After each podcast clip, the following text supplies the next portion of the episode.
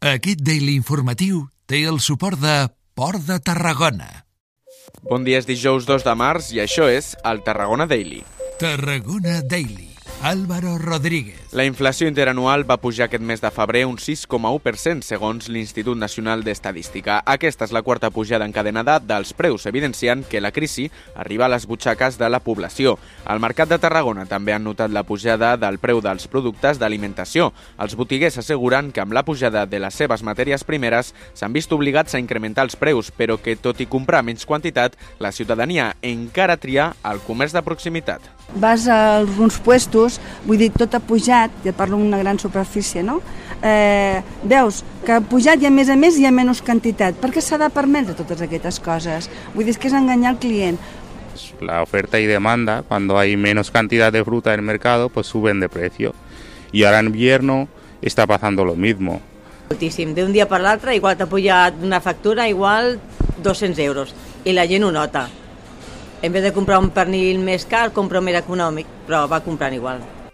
I, I parlant d'economia, però en clau empresarial, Aircross ha posat en marxa una nova planta de recuperació i tractament de les emissions gasoses en el procés productiu de la cadena de PVC a la fàbrica de Vilaseca. La nova planta ha costat 8 milions d'euros i substitueix l'antiga planta que funcionava amb tecnologia d'oxidació catalítica per una nova tecnologia a través d'oxidació tèrmica per tractar aquests gasos. En canvi, que servirà un canvi que servirà per reduir notablement les emissions de diòxid de carboni. Tarragona Daily.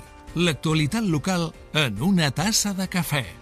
I anem a l'Ajuntament de Tarragona perquè, com sabeu, el comitè d'empresa del Servei de Sanejament Urbà de Tarragona va anunciar una vaga pels dies 5, 6, 7, 8 i 9 d'abril, coincidint amb la Setmana Santa.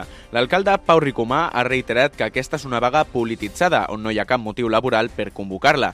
Més enllà d'això, Ricomà ha explicat que ells no poden fer més que explicar la veritat, on defensen que es preveu la subrogació i els increments salarials mínims per als treballadors. El Batlle també ha fet paler una situació d'indefensió, ja que seran fora fora de les negociacions. A més, ha criticat que l'interlocutor del comitè no està dient la veritat als treballadors. Amb tot plegat, Ricomà opina que qui surt perdent d'aquesta situació és la ciutat.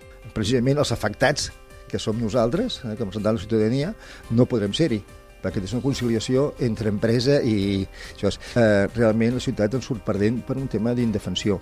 Eh, de totes maneres, esperem que Treball mm, dicti uns serveis mínims que, que, que garanteixin almenys eh, la neteja.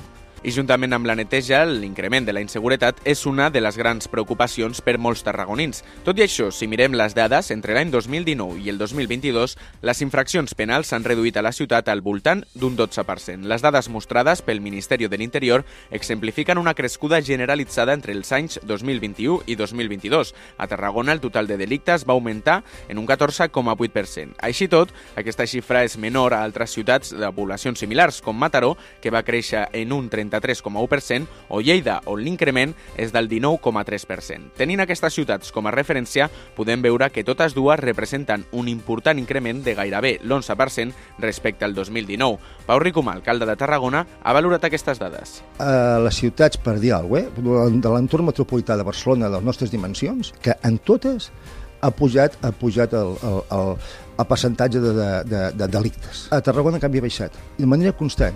I ha baixat. I és l'única ciutat, segurament, de les seves dimensions en què ha baixat. Això és Tarragona Daily, el daily informatiu de Ràdio Ciutat de Tarragona. I en esports, el nou entrenador del Nàstic, Dani Vidal, ha pronunciat les seves primeres paraules al capdavant de la banqueta grana. Vidal ho ha fet en una roda de premsa prèvia a un amistós davant el Frederiksberg, un club danès i el primer partit preparatori. Abans de rebre el difícil compromís en Lliga davant la Real Sociedad B. Així explicava les claus d'aquest nou Nàstic, Dani Vidal. Ya se he transmitido a, a la plantilla. El primer objetivo es eso. El Nastic por historia eh, tiene unos registros que en casa no puede perder Nasti tiene que ser agresivo, el Nasti tiene que presionar en campo rival, el Nasti tiene que hacer muchísimo, sacar corners, sacar faltas y cuando pite el árbitro quiero que los 11 que estén en el campo caigan al suelo que no puedan ni caminar hasta llegar al vestuario. Doncs veurem com va. Això és tot. Moltíssimes gràcies per escoltar-nos i recorda que pots escoltar tota la informació local més destacada cada matí al web de Radio Ciutat de Tarragona, Spotify i iTunes. Fes-nos part de la teva rutina. Fins demà. Tarragona Daily Disponible cada matí al web de Ràdio Ciutat de Tarragona. Subscriu-te.